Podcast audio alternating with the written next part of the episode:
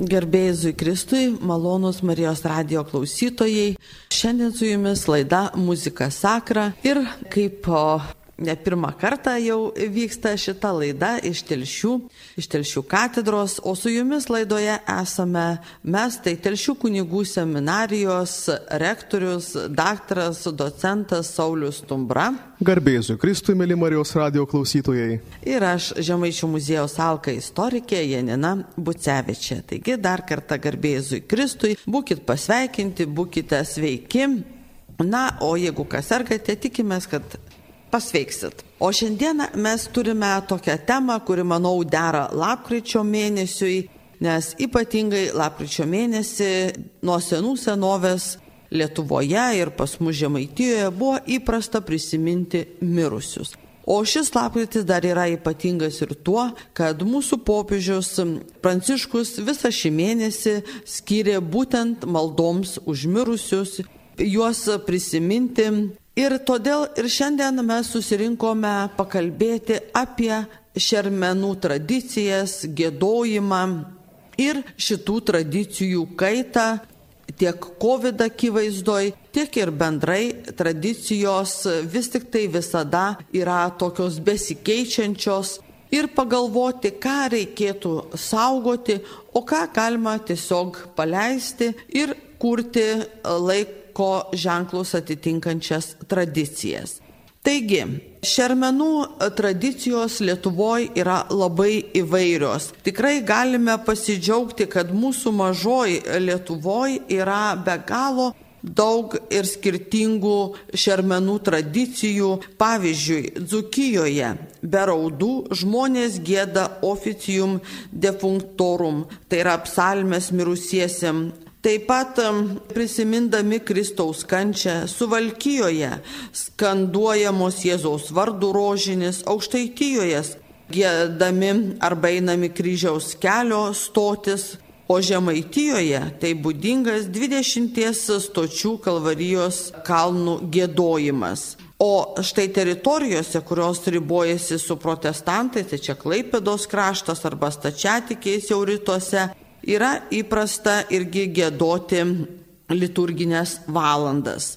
Na ir šiandieną ta, kaip tik ir noriu paklausti mūsų gerbiamo daktaro Stumbros, kuris yra labai daug e, rašęs, apgynęs daktaro disertaciją ir skirta būtent tam liaudiškajam pamaldumui, tai sakykit, kokios tradicijos yra ateinančios išlaiko gelmių, netgi galbūt dar siekiančios ir pagonybės laikus, nes visada žmonės prisimindavo savo mirusius, už juos melzdavosi ir taip pat tai, ką įnešė naujo mūsų katalikų bažnyčia, mūsų priimtas krikščioniškas tikėjimas. Ir kodėl žmonėms svarbu prisiminti savo mirusiuosius ir už juos melstis. Labai geras klausimas ir labai aktualus, nes kaip ir paminėjot, šventasis tėvas padovanojo visam pasauliui progą šį mėnesį pelnyti atlaidus, melžiantis užmirusiuosius. Ne tik vėlinių oktavo, bet ir visas mėnuo skirtas ypatingą dovaną mirusiesiems nešti per maldą. Pradedant atsakyti šį klausimą, žinau, reikėtų pastebėti turbūt vieną dalyką, kad Visose tautose mes turbūt rasim, kad laidotųjų tradicijos, šermenų tradicijos yra labai turtingos ir po šiek tiek tokiu tam tikru paslaptingumo šydu. Nes išgyvenam mirtyje susitikimą gyvenimo ir mirties. Mirtis tarsi slengtis ir pereimas. Ir turbūt galėtume drąsiai sakyti, kad krikščionybė atnešus į mirties supratimą yra visai kitą žvilgsnį. Matoma prisikėlimo viltis. Dėl to ir visose mūsų gražiose be galo tautos liaudiškose tradicijose, šermenyse, būdynėse, liaudiškai sakant, ar laidotųjų tradicijų bendrai sakant, yra labai jos gražios, nepabijosiu to žodžio. Jos yra gražios, nes jos iš, išspindi savį ir išpildo tą tikrąją paties Kristaus tarsi mirties ir prisikelimo vaizdą. Ir bendrai, jeigu žvelgiant į tą nekrokultą, mes galim sakyti, kad tai yra sritis, kuri turbūt turi daugiausiai įvairiausių tradicijų skirtingai nuo regionų ir tuo pačiu mažiausiai pavaldi kaitai. Bet šiandien mes vis dėlto jau galime turbūt kalbėti ir apie tai, kad ir šioje srityje jau mes matom, kad vyksta kaita. Nekalbant dar apie pandemijos pasiekmes, bet ir iki to jau buvo ne vienas tyrimas darytas ir man pačiam teko tyrinėti tos papročius ir jų kaitą, kad vis dėlto mes išgyvenam šermenų tradicijos kaitą. Ir miestų įtaka, ir komercializuotos laidotuvių paslaugos daro didžiulę įtaką. Ir nepabijokim to žodžio, kad vis dėlto tradicijos kaitą daro, lemia ir tai, kad vis dėlto galbūt mažėjimas ir tos religinio gyvenimo, religinės praktikos. Natūralu norima ir mirti padaryti greitesnė, kabutėse patogesnė. O per visą tai natūraliai mes ir prarandam daugelį tradicinių atributų arba sudedamųjų dalių, kas yra šermenyse. O tai pradėkime, kad ir šėlė žiūrėti. Tai visų pirma yra marinimas. Taip. Nuo marinimo prasideda. Nu, ar lengva šiandien išgyventi, kad ir tą dvasingą, religingą marinimo laikotarpį? Ne taip ir lengva. Vaikai dirbantis, tie mūsų brangus e, išeinantys, dažnai yra ligoninėse ar senelių namuose tarp svetimų. Ir retas galbūt netgi išgyvena tą ligonio sakramento patepimą. Nes bėgame, ir nebeturime progos tą žvakę uždegti ir mirusiajam su malda leisti išeiti. Su ta pačia giesme, kai būdavo tradiciškai mirų žmogui, užgėdamas vieštojas angelas, tarsi ženklas, kad tą žmogų, tą gyvenimą mes jau nuo to pirmų užgesimo akimirkų atidūdami Dievo gailestingumo rankas. O kur būdėjimas?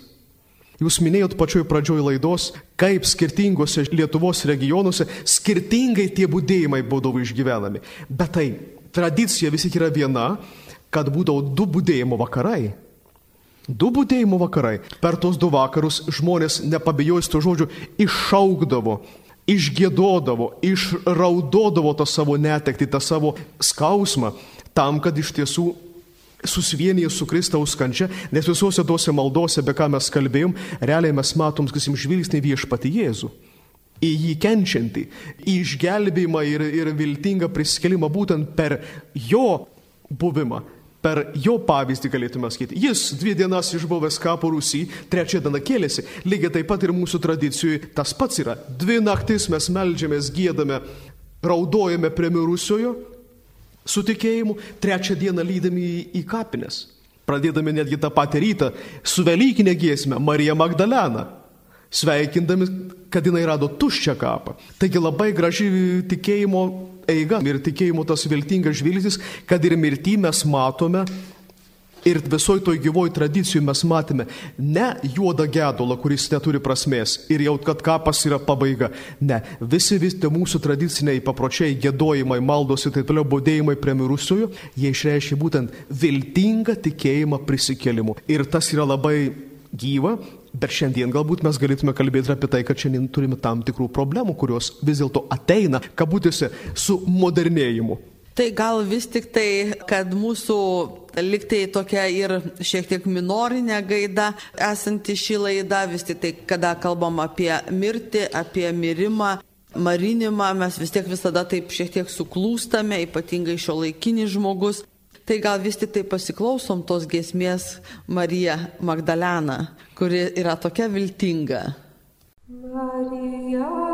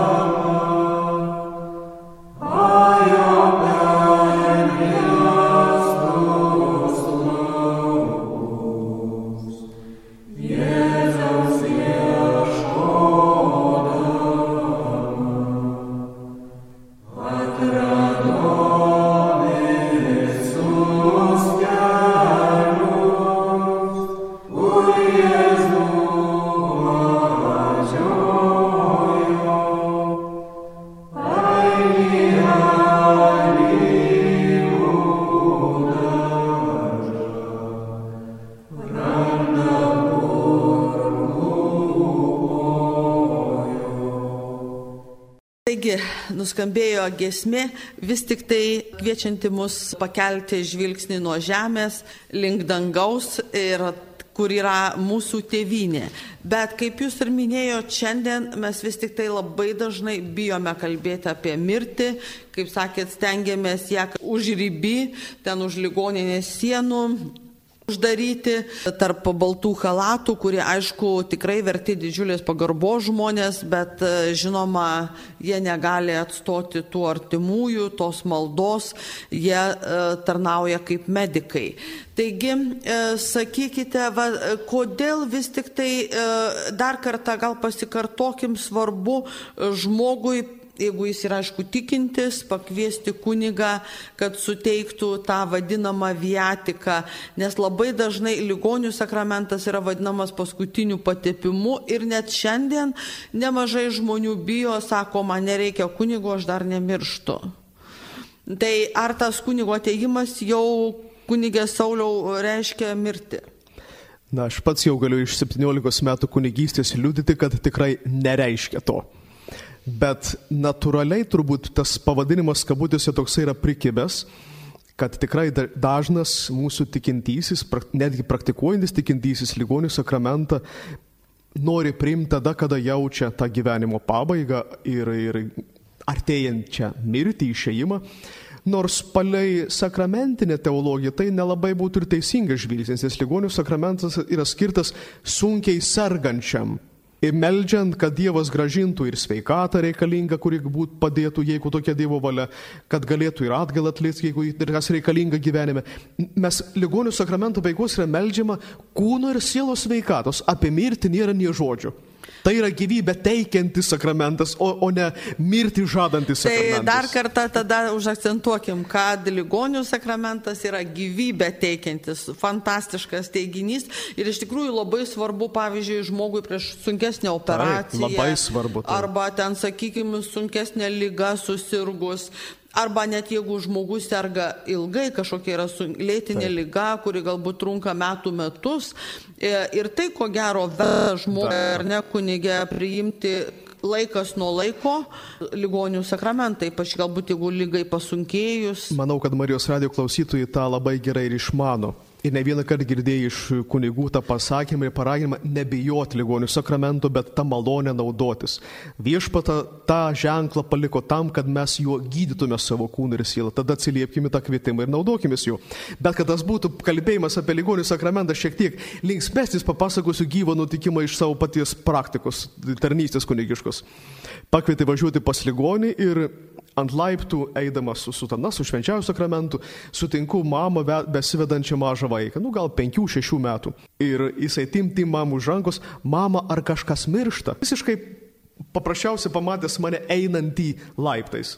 Tai Netgi mažam vaikui ta asociacija kuniga pamatus, pamačius ligonės aplinkoje, reiškia, kažkas miršta, galbūt ir jam teko tą vaizdą matyti, sakysim, ar kunigas ėjo pas močiutę prieš ir po to jinai galbūt greitai mirė. Ir vaizdas pamačius kuniga asociacija, jei kunigas atėjo, tai reiškia mirtis atėjo. Nors iš tiesų tai tikrai taip nėra. Bet čia atsakant į tą jūsų teiginį dėl paskutinių, dėl paskutinių patepimų. Galbūt taip jau fadiškai ir gaudavos, sakysim, kad Ar sutapdamo tie dalykai, ar dėl pačių galbūt artimųjų kalties, kasim, kad tas ligonių sakramentas vėlai suteikiamas. Taip ir gaunas kartais, kad tai yra paskutinis sakramentas, kurį žmogus šio žemė priima. Bet aišku, kartais tikrai ir tas ligonių patepimas, ligonių sakramentas yra kaip ir tas palidėjimas su Jėzumi taip, taip. į kelią į amžinybę. Tai irgi yra šviesus. Tai žmogus taip. išeina ne vienas, jam perėjimo laikotarpiu, kai jau nebegali padėti nei artimieji, nei medikai, na tiesiogiai, ten aišku, maldom artimieji gali, medikai dar daro tai, ką jiem priklauso pagal jų specialybę kad žmogus gyventų, tačiau vis tik tai tas perėjimas irgi tada tampa šviesus, jis eina ne vienas, jis eina įsikibęs į Jėzaus ranką. Taip, labai teisingai pastebėta. Taigi, tai dabar sakykit, va tos giesmės, štai e, turime šermenis, e, kaip sakėm, pavyzdžiui, kad ir mūsų žemaitijoje, tai aišku, mūsų kalvarijos kalnai, kurie dabar įtraukti ir į mūsų Lietuvos paveldą. E, tačiau ką dar, sakykit, gėdame be šitų kalvarijos kalnų? Ar yra dar kažkokių gesmių, e, kurios, sakytume, ar įveda į tuos kalnus, arba, e, sakykime, po tų kalnų, arba po kryžiaus kelių, arba, kaip e, sakėm, e, Jėzaus vardo rožinio. Kas dar yra? Ar yra kažkokių gesmių kunigė Sauliau? Na, turbūt į tą klausimą atsakant, galėtume pradėti nuo to, kad bendrai žiūrint į Lietuvos kontekstą, visuose mūsų regionuose etnografiniuose, kokius juos mes jau beturime, visur realiai tas žmogaus mirimo momentas visur yra palydimas pašventintas malda. Ir miestą ir kaimą paėmus mes vis dėlto mes dar turime tai, kad tas laikas yra maldos pašventintas. Taip skirtingai galbūt nuskasim nuo regionų, kokios maldos yra, bet svarbu mums yra tai, kad vis dėlto Lietuva yra toj šermenų tradicijoje išlaikius tą tradiciją su malda išlydėti savo mirusiuosius. Jeigu kalbėti apie tas pridėtines maldas, apie kurias jūs sakote, šalia tokių, pavadinkim, specifinių etnografinių regionų maldų, nu, daugelį vietų vis tiek mes turim, sakysim, tų giesmių gėdojimą. Taip galėtume sakyti, kurios yra aišku apie mirtį ir amžinybę. Netgi kuriuos mes randam liturginiuose maldynuose. Aišku, senesni giesmininkai drąsiai imasi ir bando gėdotas vadinamas ir patronų giesmės, tai yra šventųjų globėjų giesmės. Žvelgiant dar giliau, tai net priklausomai nuo to, kokiu metu žmogus miršta. Yra tradicijų užfiksuota, kad, tarkim, kaip įvadinės arba tos pridedamosios giesmės gali būti, pavyzdžiui, gegužės mėno litanija mergelės Marijos. Gali būti birželio mėnesį Jėzaus širdies litanija, vietoj tų pridedamųjų giesmų gėdama. Gesmininkai vis dėlto toj vietoj, kad ir atspindėdami labai savitą tos vietos, tai yra lokalinė tradicija, dažnai nepabijodavo įnešti ir tokios ir bažnytinio laiko, pavadinkim, liturginio to gėdojimo į tą metą, kada vyksta šermenės ir būdėjimai. Bet tai turbūt įtais praturtina visą tą būdėjimą ir tuo pačiu dar labiau įtraukia į tą bendrą maldą visus dalyvaujančius šermenyse. Kas yra labai svarbu, nes man visada noris pabrėžti tą, tą svarbų liaudiškai pamaldumo ir gėdojimo akcentą. Tai yra neparodomasis dalykas, bet tuose praktikose, tuose maldos būdėjimuose tradiciškai dalyvauja visi. Ir čia mes turbūt tą teiginį pasakius mes galim šiandien sakyti, bet, bet juk šiandien daug kas yra komercializuota. Ir mes šiandien galbūt jau to, pavadinkim, gražaus bendruomeninio dalyvavimo tame būdėjimo šermenyse ir gėdojimuose galbūt ir nebeturim. Ir turbūt tą labiausiai išgyvena turbūt miestai. Kad tai tapė yra užsakomuoju ir nuperkamu dalyku. Ir čia aš jau drįstu pastebėti, turbūt mes galim sakyti, kad per tokį sumodernėjimą mes atrandam bėdą, kad galima atrasti didžiulę tradicijos kaitą, ar netgi, netgi nykimą, nepabijosiu to pasakyti, kad tas gėdojimas gali netgi ir savo prasme prarasti, kada vietoj giesmių mes atrandam jau gėdum dainuojamas dainas. Arba, kad sakysim, kada yra giesmės pakeičiamos savos kūrybos kažkokiais kūrinėliais.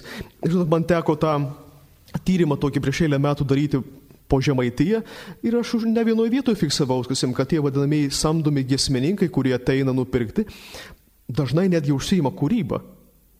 Ir čia nespecialiai pagal žmogaus gyvenimą sukuria, kabutėse giesmę devintinėms, tridešimtinėms. Pažiūrėjus tuos tekstus, žinokit, nu, šiaip kraupu darosi, nes ten nelašų tikėjimo nėra. O pavadinam tą, tą, tą, tą, tą, tą, tą kūrinėlį giesmę. Ir grįžtam į pradžią. Malda pašventintas išeimo laikas. Malda ir tikėjimu. Tai reiškia, per giesmė yra žvilgsnis ne į mane, bet žvilgsnis yra į viešpatį. Tuo čia mes prarandam turbūt per tą dalyką pačią kryptį. Ne tai, kad ten atsirado tradicijų kažkoks naujas elementas, bet prarandam kryptį ne į Dievą, bet į žmogų atsiranda žvilgsnis. O čia jau yra klaida. Ir ne vieną kartą tekia girdėti argumentus, kodėl, tarkim, atsisakoma šiandien gėd, gėd, giesmių ar gėdojimų, ar netgi, vadinkime, kaip žemadinis sako, triubočių per laidotuvės.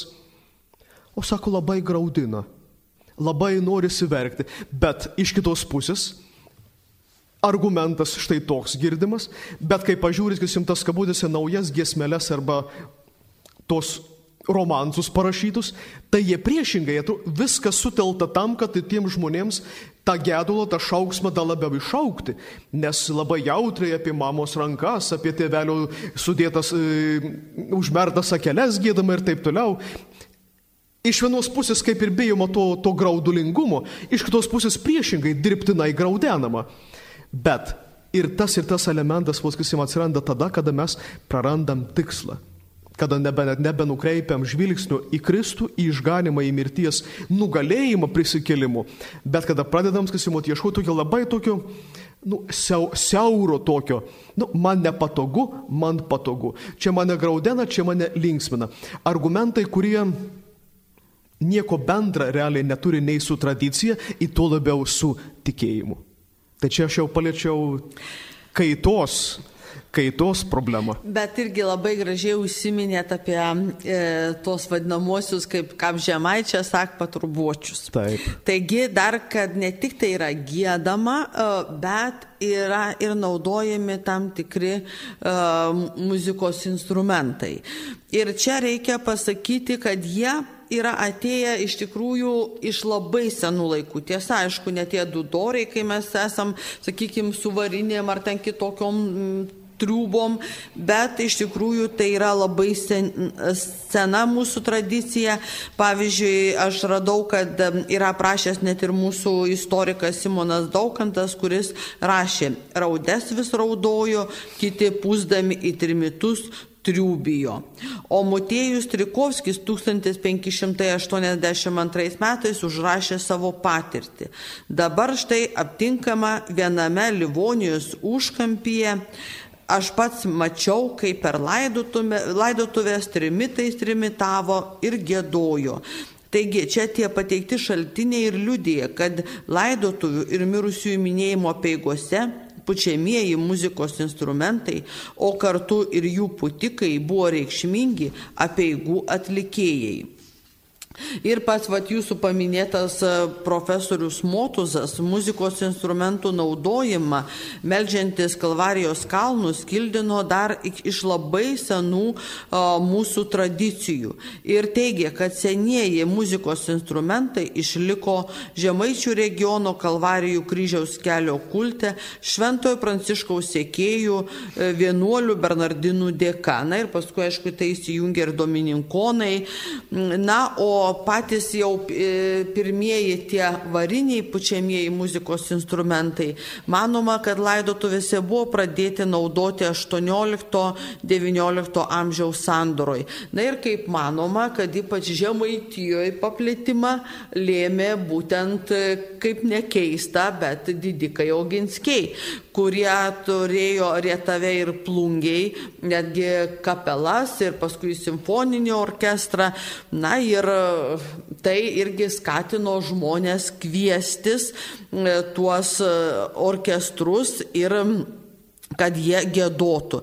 Taip pat, va, sakykime, XIX amžiuje aš dar radau tokį įdomų dalyką, kad Žemaitijos kaime ar miestelėje dudo orkestro grojimas liūdėjo aukštą velionio statusą, nes, na, reikėjo irgi, jeigu ir sumokėti tiem dudoriam, jeigu, sakykime, va, teisingai, kaip jūs sakėt, e, kad gėdodavo tai paprastai bendruomenės nariai, ateidavo to kaimo, to miestelio e, tie pravadnykai, Taip. E, tos promatorkos, vienur moteris, kitur vyrai vesdavo, bet ateida aplinkiniai čia kaimynai, giminės ir patys artimieji gėdodavo, e, tačiau jau groti, aišku, ne kiekvienas galėjo. Taigi būdavo tie orkestrėliai, kuriuos reikėjo pasikviesti ir aišku, reikėjo ir sumokėti. Ir dar va tokį įdomų dalyką radau kunigė Sauliau, kad pasirodo, gėdodavo, e, nu anksčiau tai aišku, gyvykdavo vykdavo e, tas pašarvojimas namuose, nebuvo tų tokių dabar kaip yra laidotuvių e, namų, laidotuvių rūmų, taigi gėdodavo namuose, tai dažnai e, gėdoriai gėdodavo gretimam kambarį. Tai tuo tarpu patrubočiai, tie vadinamieji, va tas dūdo orkestras grodavo laukia. Ir, žinoma, vasaros laiku, tai čia pavasarį, dar šiltą rudenį, tai nieko tokio, bet va iškildavo problema žiemą Tai tada net ir palapinę pastatydavo, ir ugnį užkurdavo, ir net kailiai skaičiau išklodavo.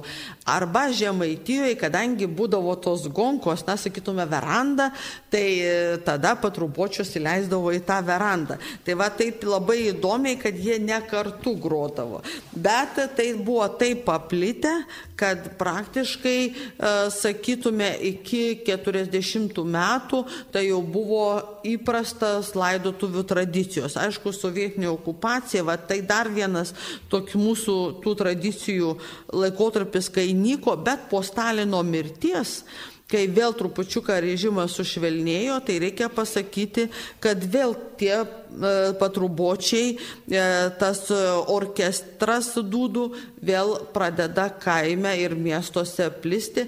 Ir dar kitas dalykas pasirodo, kodėl jie laukia grodavo. Tai buvo pakvieti, pradžioje užgrodavo tik tokią giesmę ir tai buvo pakvietimas, e, kad jau reikia rinktis į E, tą vakaro maldą, tą giesmę, ar tai, tai tas, sakykime, ar tai būtų Jėzaus vardo e, rožinis, ar tai būtų Žemaitijos kalvarijų kalna ar kryžiaus kelias, bet žodžiu, va taip dar tuo pačiu pasirodo ir būdavo kaip signalas, nes, nu, mobilių telefonų ir apskritai telefonų nebuvo.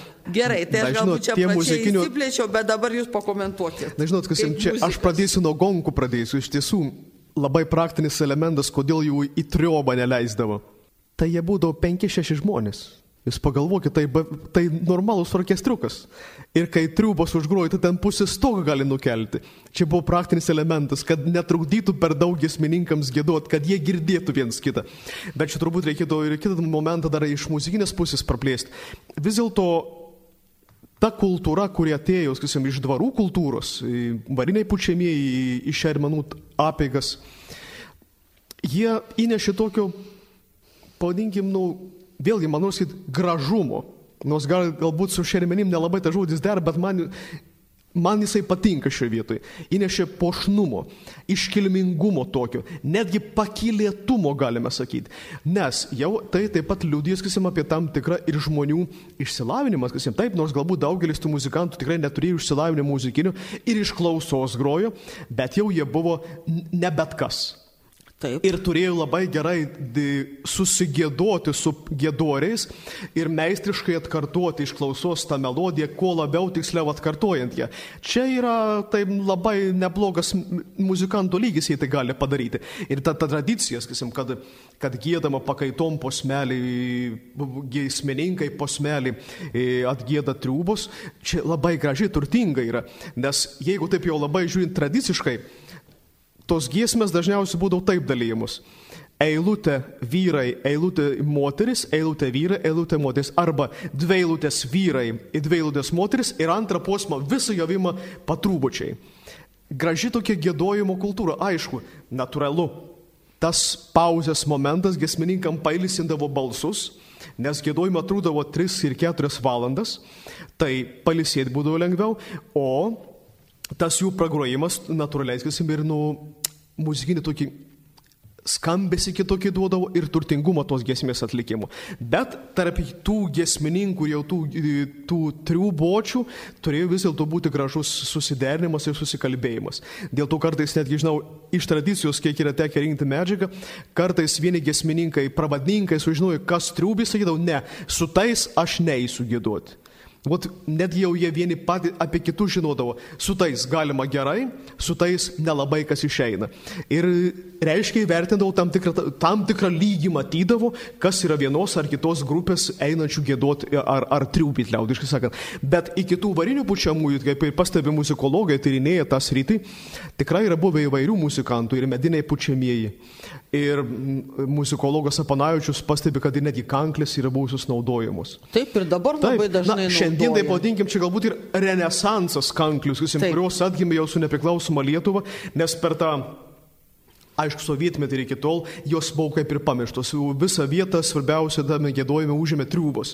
Bet nepriklausoma Lietuva tarsi atgaivino ir tą kanklių kultūrą, tų žem, netgi žemaitiškų mažųjų kanklyčių, kurios labai dabar populiarios yra, sakysim, vis, visoji Lietuvoje, man atrodo. Ir mes jau turbūt ir galim pastebėti vien tai, kad kuo labiau nyksta tų, vadinkim, pučiamųjų, varinių pučiamųjų orkestrai, tuo labiau atsiranda nauji muzik, muzikiniai instrumentai iš šermenų tradicijos. Mes pastebėm ir smūką. Labai dažnai elektriniais vargonėliais grojama, tom pačiom kanklim, birbynė atsiranda, kur lietuvių liaudės instrumentas yra, kas net ne klasikinis instrumentas. Ir bendrai, kaip sak, kas dar tik nesugirdės, kad su akordeonu grotų. Bet galbūt kažkas į tą tokį sugalvos, bet, bet nesugirdės, kad per šermenis grotų su tokiu instrumentu.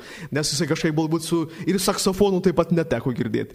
Nes galbūt asocijuojas labiau su linksmybėm. Bet, bet ką aš noriu pasakyti, kad ta kaita su laiku ateina ir vis šalia tų tradicinių instrumentų, kurie kaip suprantami, kaip tradiciniai šermenų apieigose tradicijose, atsiranda ir nauji instrumentai, kurie dažnai atneša ir savo repertuarą lygiai taip pat. Ir šalia tų tradicinių gėdojimų, kasime, kuriuos, tarkime, jau iš liturinių maldynų gėdodamus rasdavom, atsiranda klasikiniai muzikos kūriniai atliekami. Vien tik tais, tarkim, instrumentų pagalba, netgi be gėdojimo. Atsiranda populiarios melodijos, kurios tik pagrojamos tais instrumentais, nes nuo to liaudiško tokio muzikantų kaimus, kasim lygių, jeigu gal, gal taip negražiai nuskambėjo, ateina dabar į tą sritį jau muzi, tie gesmininkai, muzikantai, kurie yra profesionalūs, kurie yra savo srities specialistai, instrumentalistai, kurie baigia net aukštuosius e, mokslus savo srity ir jie jau geba ne tik liaudišką giesmę gėdoti, bet jie geba ir profesionalų muzikos kūrinį atlikti, sakralios muzikos kūrinį, bet tai natūraliai ir atsirandavo ta, ta naujovė, kad šalia tradicinių gėdojimų mes jau atrandam ir profesionaliosios muzikos kūrinius atliekamus tos pačiose šermenų peigose. Čia, vat, čia ta naujovė, nežinau kaip reikėtų vertinti, nei gerai, nei blogai, bet pati kaita atsiranda ir tokie dalykai jau mūsų dabar šermenyse. Tai čia mes galim kalbėti apie kūrinius, kuriuos sukūrė garsus muzikai, taip. ten koks Bachas, Bethovenas taip, taip, taip. Ir, ir kiti. Uh, tai jie irgi ateina į mūsų kultūrą, iš vienos pusės tai yra gražu. Taip, iš vienos pusės tai yra gražu, ir bet jeigu tai, man vis nori pasakyti, jeigu tai gražiai dera su tradicija, tai tik tais gaunas kaip ir papildymas tradicijos. Kur kas baisesnis variantas yra, kad jeigu atėjęs tokios naujo, nauji elementai išstumia tradiciją, pakiždami kičą. O tai jau yra problema, tada yra problema, kuri neturi savyje nei tikėjimo tuo elemento, nei, nei tos prisikelimo vilties. Aš po ranka turiu vieno tyrimo rezultatus ir netgi paprasčiausiai noriu pacituoti keletą kabutėse giesmių, kurios šiandien girdėjau yra gėdamos beveik visoje Lietuvoje, bet kurios tikrai žodžiu prasme negalėtų skambėti laidotuvėse ir šermenyse, nes jos ne tik, kad neturi kaip sakiau išganimo vilties, bet jos ir netgi, netgi priešingos prisikėlimo vilčiai. Netgi patys, netgi patys pavadinimai jau yra iškalbingi. Neverki vaikeli, cituoju. Neverki vaikeli, nes tau neramu. Užmirusius tėvus trumpas variantas. Užsimerkė mielos tavakis, užmigai tu amžinų miegu. Nėra amžino miego krikščioniškoj kultūroje. Nusikelkime toj mintį netgi į katakombas. Dormitorium, miegamasis. Tai reiškia, užmiego ir pabus. Mes kalbam apie prisikelimą viltį. Toliau, užmigai mamytė, užmigai mamytė lyg žvaigždė bevardė. Nesulauku žemėje kvepiančių žiedų. Kur mes čia matom, sakysim, tikėjimo viltį? Arba dar, dar galėjai tu gyventi. Nu, tą galime apie kiekvieną pasakyti, bet, bet, bet, bet mes nežinom nei dienos, nei valandos, žvelgiant evangelinę prasme. Užgesų jau širdis tavoji, tėveliui mamytė skirtas, sakysim, ką norint tą darom. Arba geriausia, kaip buvau minėjęs vienoje toje vietoje. Bet čia jums... tikrai yra skirta graudinti. Taip, tik, tikrai žodžiu prasme. Pavyzdžiui, kabutėse giesmė sukurta specialiai vieno žmogaus 30 dienų. Ir štai cituoju posmelį, kuris nu yra kraupu, kad tai ateina į mūsų šermų tradiciją. Jau 30 dienų vieni, o tu dar jau, o tu gal dar net neiškeliavai. Šiandieną tau skirta malda, kartu keli te skamba tau. Čia netgi kūrybą sunku pavadinti, atrodo žodžių rinkinys, bet tai šiandien jau fiksuojama, kad tokie dalykai ateina kaip nelabai gražus dalykai mūsų šerminų kultūrą. Tai jeigu mes vat vieną pusę kalbėdami džiaugiamės, kad ateina galbūt profesionalus muzikos kūriniai, muzikantai profesionaliai ir geba atlikti gražius sakralinius kūrinius tuose, tuose peiguose, bet šalia to mes matom ir labai didelį menkavertiškumą. Taip, ir kitas dalykas, aišku, dar vienas, kad vis tik tai uh, dabartinis gyvenimo tempas uh, reikalauja ir greitesnių laidotuvių. Jeigu anksčiau būdavo 2-3 dienos būdima, tai dabar dažniausiai jau pas, tik tai viena diena, arba kadangi dabar vėl ir nemažai kremuojama, tai kartais tiesiog tik susirenka e, atsisveikinti patys artimiausi, o jau paskui visi susirenka prie urnos ir po kelių valandų e, žmogus yra laidojamas. Tai net nebėra praktiškai E, kada ir, ir gėdoti ir netgi tos e, muzikos kūrinius, net ir labai profesionalių muzikantų atliekamus atlikti. Tai čia irgi yra tokia problema, tai manyčiau, kad vėl yra labai svarbu palydėti maldą ir e, palydėti žmogų į amžinybę ne tik tai gražiais, labai gerai, kada yra profesionalūs kūriniai, bet ir taip pat malda ir ta gesme, kaip jūs sakote, ir viešpaties angelas, ir amžinatelsi, ir pakviesti kunigą. O dabar sakykit, vat, to COVID akivaizdoje, ką reikėtų daryti?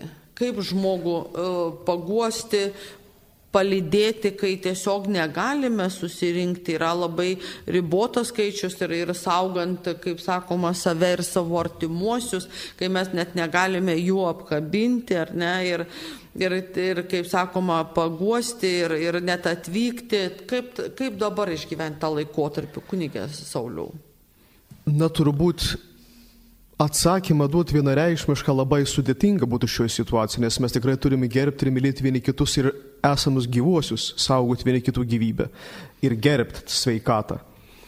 Bet vis dėlto būdėjimas, kad neliktume toj atsisveikinimo kultūroje, toj mir, mirties išgyvenimo akimirkoje, kad neliktume be tikėjimo. Čia turbūt yra pagrindinis dalykas tas. Taip, dabar mes negalim galbūt organizuoti ilgų būdėjimų ir per naktis su kalnų gėdojimas ar kažką, kada daug žmonių susirenka. Bet, bet artimiausi taigi vis tiek susirenka, kad gali tas mažas burelis. Nu gerai, galbūt nemokam patys mes ar tų kalnų sugėduoti, kisim, ar to Jėzaus vardo rožinio su, su, sukalbėti, sugėduoti, bet galima atrasti alternatyvas, kisim, tai galų gale, ar tą ar atskaityti susėdus bendrai visiems. Kad ir tą patį rožančių susėdus visiems kartu sukalbėti, kad tą laiką vis tiek pašventinti maldą. Jeigu mes eliminuosim e, tą tikėjimo momentą, viltingą momentą iš šermenų peigų, nu, tada aš nežinau, kas tada, ko tada virsta mūsų tas atsisveikinimas. Tai reiškia, be tikėjimo.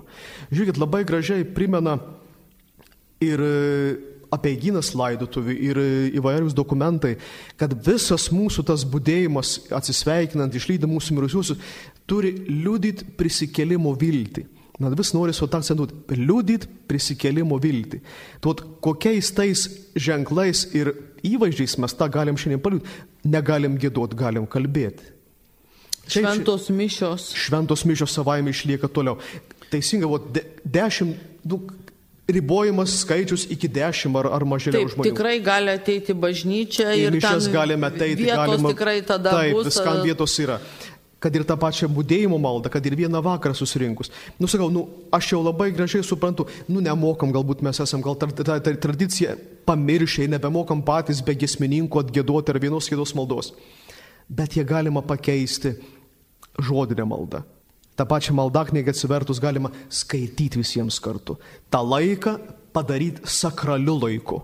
Blogiausiu atveju netgi pasileidus muzikinį įrašą kartu gėduoti. Tikrai mes galime šiandien rasti ir įvairiausiuose knygynuose labai neblogų įrašų ir gėdamo ir rožančiaus, kasim ir žemai iš Kalvarijos kalnų ir kitų giesmių. Bet va, momentas tas, kad ir tų mažų burelių esant šiuo pandemijos karantino metu, išgyventi maldą išgyventi tą maldos būdėjimą prie mirusiųjų, nepalikti to laiko, kaip pavadinkim, be tikėjimo šviesos, nepalikti to laiko vien tik kavos išgerimu ar paverkimu į alkūnę. pašventinti tą laiką maldą. Tai mes galim padaryti netgi karantino sąlygomis. Tai tikrai jūs pasiūlėt puikiai išeiti, gėdam kaip mokam, arba, sakykime, pasinaudojam įrašais ir kartu gėdam, arba tiesiog melžiamės įvairias maldas ir tuo palydim ir savo mirusi ir kartu esame su juo e, toj maldoj. Bet šiandien yra penktadienis, artėja sekmadienis ir baigėsi liturginiai metai o liturginius metus mes užbaigiam Kristaus karaliaus šventę. Na gal šiandieniniam žmogui taip skamba lyg ir kaip iš praeities, tas karalius, na tiesiog kalba sakyti Kristaus valdovo, e, tai yra to, kodėl ne prezidento, tai kad jis yra laikinas.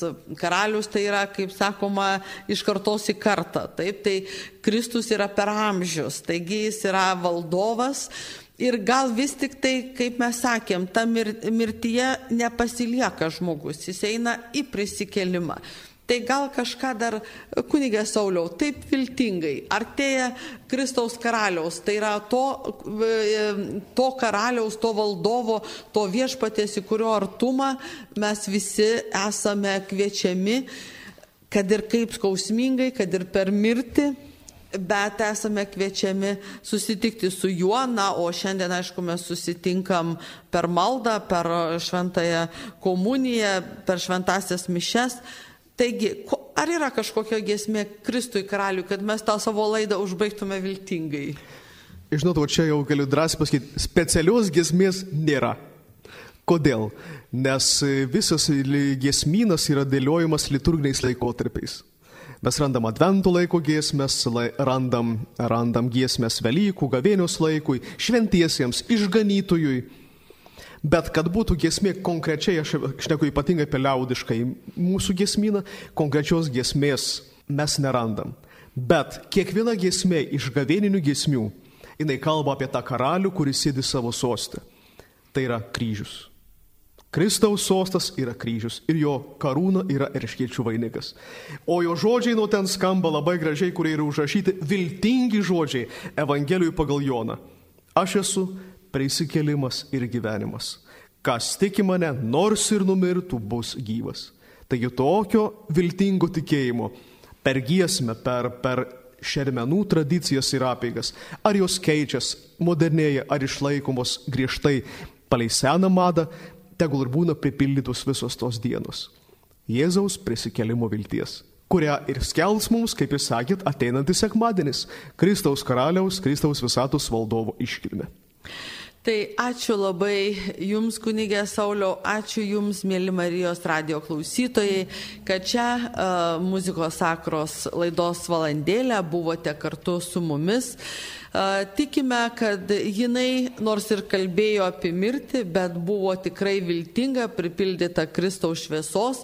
Na, o mes su, jumi, mes su kunigu Saulium jau linkime to šviesaus, to gražaus sekmadienio, to Kristaus visatos valdovo šventės. Taigi, kaip ten sako, kas miršta su Kristumi, su Kristumi ir karaliauja, ar ne? Taigi, e, visada būkime su juo, o mes laidą baigėme, o šiandien laidoje su jumis buvo buvo Telšių viskupo Vincento Borisevičiaus kunigų seminarijos rektorius, e, daktaras, docentas e, Saulis Stumbra. Ačiū uždėmesi ir visiems palaiminto laiko. Ir aš, Žemaičių muziejaus alka istorikė Janina Bucevičia su Dievu, likite sveiki.